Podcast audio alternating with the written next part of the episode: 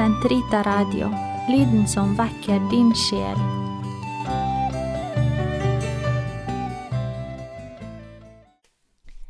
Karmels hage episode 20 Åndelig lesning Del 1 Sommer er lesetid for mange, og det finnes bøker og lesninger av alle slag.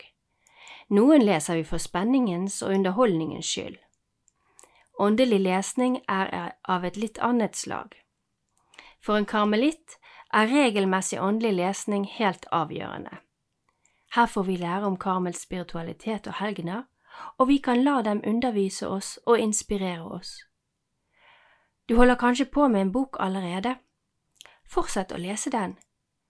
Men kanskje du over de følgende to episoder får litt informasjon og inspirasjon til å tenke gjennom lesningens betydning, og få noen tips om hvordan du innretter deg for slik lesning. Om du ikke har en bok allerede, kan jeg tipse deg om fire bøker som jeg vil snakke om og lese litt fra i slutten av juli. Den første er Therese av Avilas mesterverk, Den indre borgen. Den andre er broder Wilfrids forklaringsbok til borgen, Indre vandring. Disse to kan med fordel leses parallelt. Begge er å få på Sankt Efrem på Efrems forlag. Den tredje boken er en sjels historie av Therese Alysjø. Som følgesvenn til hennes åndelige selvbiografi vil jeg også anbefale Morten Bjellands bok Therese, en liten biografi om henne som også inneholder en rekke svart-hvitt-fotos. Begge er utgitt på St. Olav forlag. I dag skal jeg lese fra en artikkel skrevet av broder Martinus Martin, som er karmelittmunk i Nordaby i Sverige, og medbroder til avdøde broder Wilfrid Stinesen og biskop Arborelius. Artikkelen kom ut på svensk første gang i tidsskriftet Karmel nummer tre i 1979. Denne første del som jeg leser av i dag, er oversatt til norsk og ble trykket i Sekularkarmelittenes tidsskrift ved Elias Kilde våren 2016. Jeg leser hele artikkelen over to episoder. La oss be. Kom, Hellige Ånd, fyll dine troendes hjerter og tenn i dem din kjærlighetsild, du som gjennom de mangfoldige tungemål samlet alle folkeslag til troens enhet. Send ut din ånd, og alt skal bli omskapt, og du fornyer jordens åsyn. La oss be. Gud, du har opplyst de troendes hjerter ved Den hellige ånd. Gi oss at vi ved din ånd kan glede oss over det som er rett, og alltid bli lykkelige ved Hans trøst. Ved Kristus, vår Herre. Amen. Jeg leser nå første del av artikkelen Åndelig lesning og indre bønn av Martinus Martin, OCD. Den åndelige lesningen i Teresa av Avilas liv. Når man leser Teresas selvbiografi, blir man slått av i hvor stor grad og hvilken avgjørende innflytelse litteraturen hadde i hennes åndelige liv. Hun leste utrolig mye tatt i betraktning at boktrykkerkunsten nylig var oppfunnet, og at bøkene var dyre. Jeg syntes særlig om å lese gode bøker, skriver hun. Interessen for bøker fikk hun gjennom sine foreldre. Både faren og moren leste mye. Don Alonso, Teresas far, lærte alle sine barn å lese innen de fylte syv år, noe som var veldig uvanlig på en tid der bare et mindretall behersket lesekunsten, også i de mer velsituerte familier. Å lese var en sysselsetting for prester og munker. Faren eide kun fromme bøker, og disse fikk Teresa og hennes yndlingsbror Rodrigo lese. Disse bøkene, skriver Teresa, var opphavet til min første gode, mine første gode følelser. Hun var da seks eller sju år. De handlet om helgenenes liv og lærte henne at lidelsen og saligheten varte evig, og at ordet evig betyr for alltid. Hun skriver ved å si disse ordene, for evig, evig, evig, om og om igjen ble sannhetens vei prentet inn i meg, for Gud, slik Gud ville, allerede i barndommen. Hun forklarte for Rodrigo hva ordene betød, og de ble enige om å stadig minne hverandre på dette, selv når de lekte. Teresa kunne med jevne mellomrom si For alltid, Rodrigo, og da måtte Rodrigo svare For alltid, Teresa. På flukt med Rodrigo. Teresa leste også om helgenforklarede martyrer og ble inspirert av dem til å lengte etter martyrdøden for å komme til himmelen. Da hun var åtte år, overtalte hun en dag Rodrigo, som da var elleve, til å dra til morernes land. Det lå sør i Spania og var på denne tiden okkupert av saraserne, en bosetning av muslimer som hadde vært der siden middelalderen. Hensikten med denne flukten hjemmefra var at disse morene forhåpentligvis skulle kappe hodene av dem, og da skulle Teresa og Rodrigo få nyte himmelens herlighet for alltid. Tidlig en morgen smød de seg ut av huset for å dra til moranes land. Uheldigvis møtte de sin onkel, som tok de to tiltenkte martyrene med seg hjem igjen. I ridderromanenes verden De første bøker Teresa leste, førte henne nærmere Gud og ga henne dyp innsikt i det faktum at både straff og herlighet varer evig, etter døden. Men den litteraturen som hun som elleveåring begynte å lese, dro henne aldri så lite vekk fra Gud. Moren, som også var from, leste dog ikke bare fromme bøker, men også ridderromaner. Datidens moralister reagerte heftig mot disse bøkene, selv om man ikke helt kan sammenligne dem med nåtidens skjønnlitteratur eller dagens kjærlighetsromaner. Hun var svært begeistret for ridderromaner, skriver Teresa. Moren hadde giftet seg i en alder av 14 år, fikk ni barn og hadde dårlig helse. Det er ikke utenkelig at hun i disse ridderromanene søkte en eller annen form for kompensasjon for å glemme sin dårlige fysiske tilstand og den dystre stemningen som rådet i hjemmet. Hennes ektefelle var streng, og hun måtte snike seg til å lese dem for å unngå hans mishag. Da Teresa var elleve år, begynte hun selv å lese ridderromaner. Hun utførte sitt arbeid i huset raskt for å få tid til å lese. Jeg begynte å komme i vane med å lese ridderromaner, og denne lille feil som jeg så hos min mor, fikk mine tidligere ønsker til å kjølne, og jeg begynte å svikte på andre måter også. Jeg synes ikke det var noe galt i å bruke mange timer både dag og natt på denne unyttige beskjeftigelse, selv om jeg måtte skjule det for min far.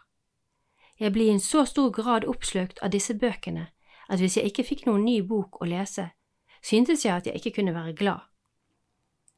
Disse romanene gjorde smått om senn Teresa verdslig sinnet. Hun ble forfengelig og kokett og bevisst sitt vakre utseende. Om denne tiden skriver hun. Jeg begynte å pynte meg og ønske å behage ved mitt utseende. Jeg var meget omhyggelig med mitt hår og mine hender. Jeg brukte parfymer og tok på meg all slags tant og fjas jeg kunne finne på, og det var ikke lite, for jeg var meget forfengelig. Jeg hadde ingen ond hensikt med dette, for jeg ønsket ikke at noen skulle krenke Gud for min skyld. Min forfengelighet og overdrevne omhu med mitt utseende og andre ting som jeg ikke syntes var syndige, varte i mange år. I dag forstår jeg hvor galt det må ha vært. På klosterskole. I denne Teresas ungpiketid kom fetterne ofte på besøk. Teresa gjorde stor suksess fordi hun var vakker og hadde en sjarmerende personlighet.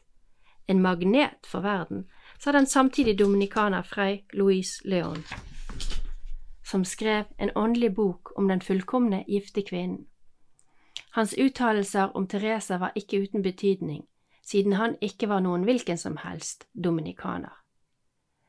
Faren merket hvordan hans yndlingsdatter forandret seg, og sendte derved sin 17 år gamle datter til Augustinanonnenes klosterskole. Søstrene hadde god innflytelse på henne, selv om hun etter hvert vantrivdes der. Hun endret seg til det bedre, men kjente stor avsky ved tanken på å skulle bli nonne. Motviljen hennes mot klosterlivet skulle etter hvert minske. Hun håpet likevel på at det aldri måtte være Guds vilje å kalle henne til klosterliv. Menneskespår, men Gud rår.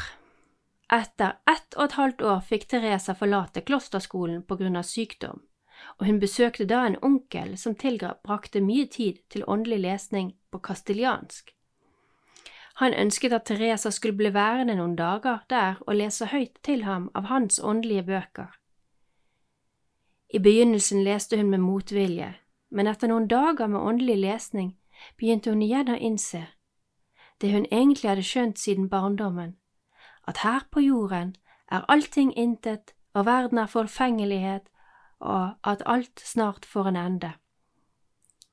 Og selv om jeg ennå ikke hadde noen vilje til å bli nonne, skriver hun, så jeg at det var den beste og tryggeste stand, og slik besluttet jeg litt etter litt å tvinge meg selv til å velge den.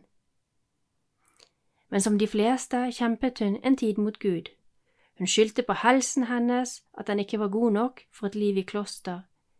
I tre måneder kjempet hun mot sitt klosterkall, og i denne tiden leste hun den hellige Hieronymus brev. De talte så dypt og gjennomgripende til henne at de uten tvil var med på å styrke hennes endelige beslutning om å gå i kloster. Av disse fakta skulle det fremgå hvilken store betydning den åndelige lesningen spilte når det gjaldt Teresas kall. Åndelig lesning som våpen under åndelig tørke Som ung søster er det igjen åndelig lesning, og denne gang fra den tredje ABC av fransiskaner Osund, som hjalp henne til indre bønn og kontemplativt bønn. Hennes kontemplative bønn kommer raskt til et veldig høyt nivå. Innimellom får hun oppleve ting som hun beskriver i den indre borgen under den femte bolig. Der sammenligner hun sjelens forening med Gud som ekteskap. Hun tilføyer at det er en klønete sammenligning, fordi den lykke sjelen her erfarer, skiller seg tusen og atter tusen ganger fra den lykke som et brudepar må kjenne men jeg kan ikke finne noe annet bilde i denne verden som kommer nærmere denne erfaringen. Det er den åndelige lesningen som styrker henne gjennom de 20 årene der hun ikke finner noen åndelig veileder som kan forstå og hjelpe henne i hennes langvarige åndelige tørke. Uten en åndelig bok, skriver hun, skulle det ha vært umulig for meg å utholde denne 18-årige store tørken i bønnen. Åndelig lesning som hjelp til tålmodighet. Omtrent et år etter sin opptagelse i karmelittorden ble Teresa svært syk. Hun var nær døden og lå i åtte måneder nærmest helt lammet i sengen. Hun var svært plaget, men alle var overrasket over hennes tålmodighet. Hennes innstilling til sykdommen var tydeligvis inspirert av en åndelig bok, en av de mest utbredte på denne tiden, Moralia in Job, av den hellige Gregor den store. Dette var betraktninger over Jobbs atferd i lidelsen. Teresa fikk tidlig stifte kjennskap med denne boken, et eksemplar som Teresa ifølge tradisjonen skal ha brukt, oppbevares fremdeles i St. Josef-klosteret i Avila. Det som i boken talte så sterkt til henne, var at om vi mottar det gode av Gud, så bør vi også akseptere prøvelsene. Etter at hun ble frisk, egentlig ble Therese aldri helt frisk fra sin sykdom, for like til sin død led hun av dårlig helse. Men etter at hun ble frisk, mottok hun i klosterets samtalerom en stadig strøm av besøkende. Therese hadde det talent at hun fritt kunne konversere med og tilpasse seg alle typer av personligheter. Hun var imidlertid bevisst på at de mange samtalene forstyrret hennes indre liv, og da spesielt den indre bønnen. Etter besøkstiden kjente hun seg ikke i stand til indre bønn, og oppga den til og med. Hennes liv ble stadig mer middelmådig og splittet. Denne tilstanden varte i omtrent 18 år. Omkring 1555 Teresa var da 40 år, kom hun til å lese Augustins bekjennelser, der han beskriver hvordan han en gang, fortvilet over sin egen vakling, hørte en røst som ropte, Hvor lenge, hvor lenge dette evige i morgen og atter i morgen. Hvorfor ikke akkurat nå? Hvorfor ikke i dette øyeblikk gjøre slutt på min fornedring? Teresa ble dypt rystet over lesningen og føler at det er henne Herren taler til. Og Gud hjelpe meg, hvor pines ikke sjelen når den taper friheten til å være herre i eget hus? Hvilke kvaler lider den ikke da? Denne lesningen av Augustins bok ledet henne frem til en radikal omvendelse. Heretter var hun trofast mot den indre bønnen og alt hva det innebar med hensyn til stillhet, ensomhet og forsakelse. Åndelig lesning som føde for sjelen Den åndelige lesningen hadde altså en dominerende plass i Teresas åndelige liv, og det forbauser oss ikke at hun anser dette som et absolutt krav for et sant bønneliv.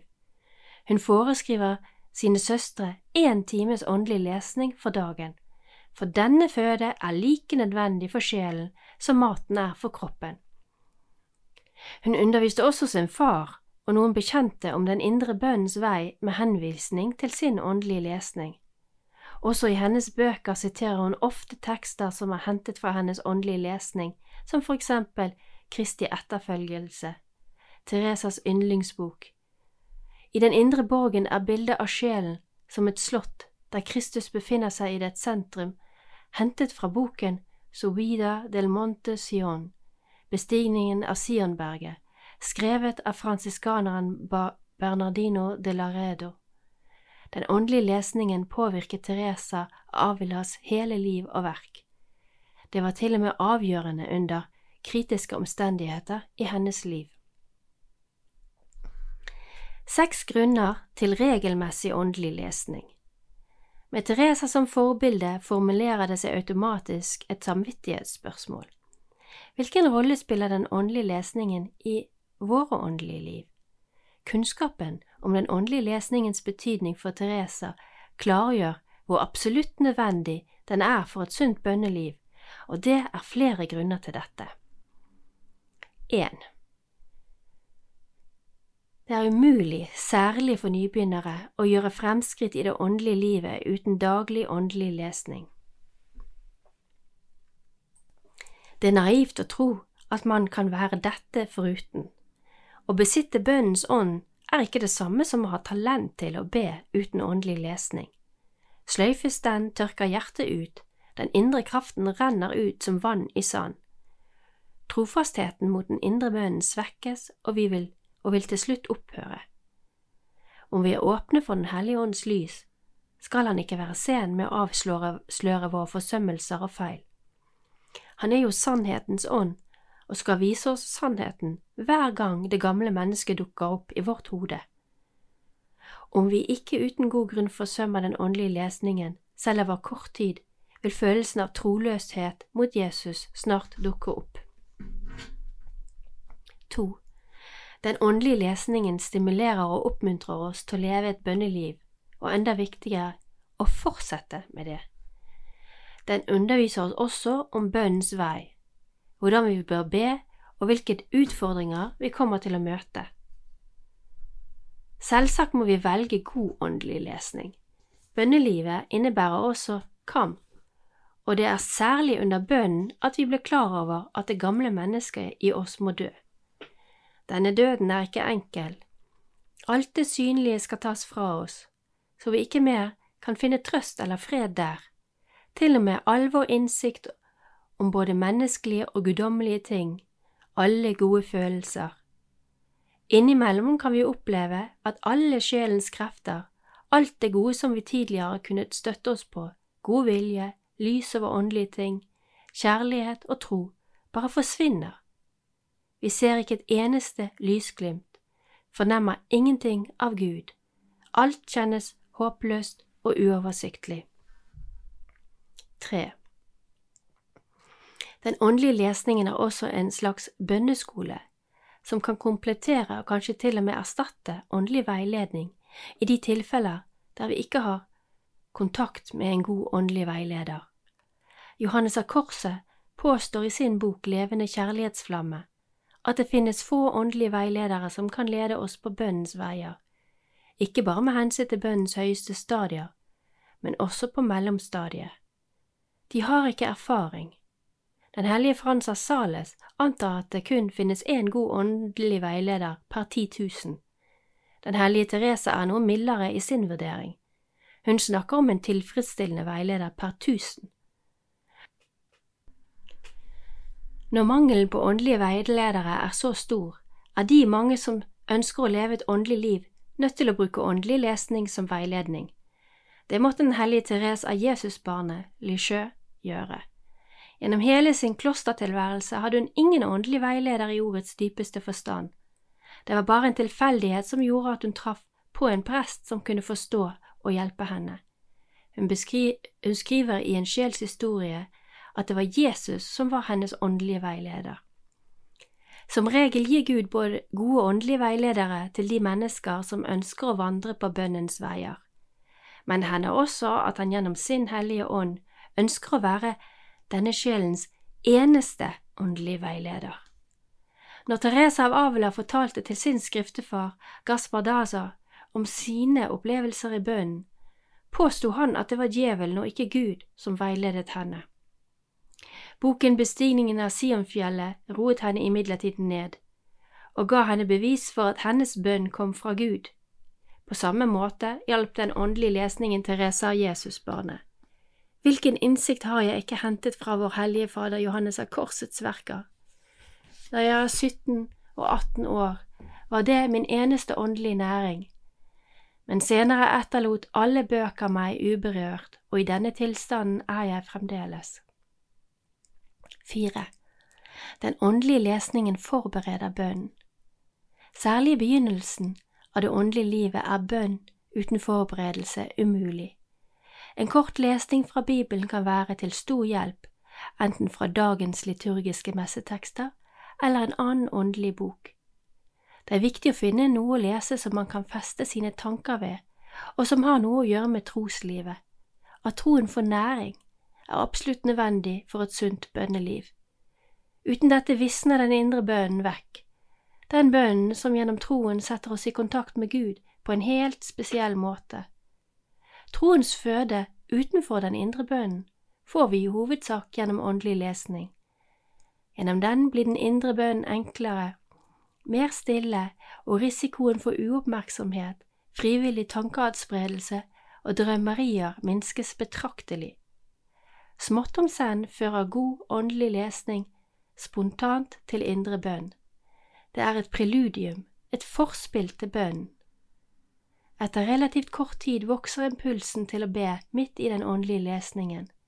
Grensene mellom den og den indre bønnen blir vage, ja, selve lesningen forvandles til bønn. 5. Den åndelige lesningen medvirker til å avvise uønskede tanker under bønnen. En livlig fantasi kan, som Therese av Avila beskriver, føre til at tankene fyker omkring som dårer. Fantasien skaper det ene bildet etter det andre. I møte med denne oversvømmelsen av tanker og bilder blir det iblant umulig å komme inn i indre samling. Når vi gang på gang mislykkes i å konsentrere oss, blir vi slitne. Da kan den åndelige lesningen være til hjelp. Langsomt stopper den kvernen av bilder og tanker i vårt hode. Det blir lettere å bli værende i indre stillhet og samling. 6. Den åndelige lesningen kan hjelpe oss til å slappe av. I sin selvbiografi skriver Teresa at det finnes mennesker som under bønnen kan bruke forstanden og forestillingsevnen, slik som dagens intellektuelle mennesker. Men det finnes også andre følelsesmennesker som ikke kan resonnere med forstanden eller gjøre bruk av sin forestillingsevne.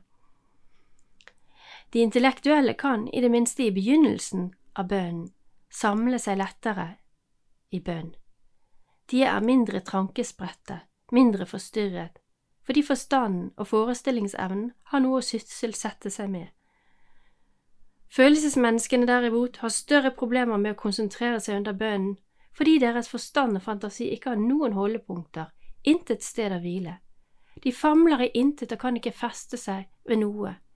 De plages mye av dette, sier Teresa, og de må gå gjennom stor tørke, overgivelse og alle mulige distraherende tanker. Som følge av at den indre bønnen krever så store anstrengelser og er så utsatt, kan ikke disse menneskene fortsette med dette så lenge uten å få helseskader, og i slike tilfeller foreslås åndelig lesning som avkopling for å unngå for store anstrengelser. Den spenningen som oppstår under den indre bønnen, er ofte et resultat av ubevisst selvsentrering. Resultatet blir en feilrettet indre samling. Den skal jo tvert imot drepe det egoistiske jeget. Det kan være en trøst for alle som har et så lettrørt og ustadig sinn at de ikke kan konsentrere seg om noe, at Teresa påstår disse menneskene skal i begynnelsen av sitt bønneliv få større lidelser og problemer enn de som kan meditere, men de skal også fortere få den kontemplative, den passive bønnen. Resten av denne artikkelen kommer i Karmels hage neste torsdag.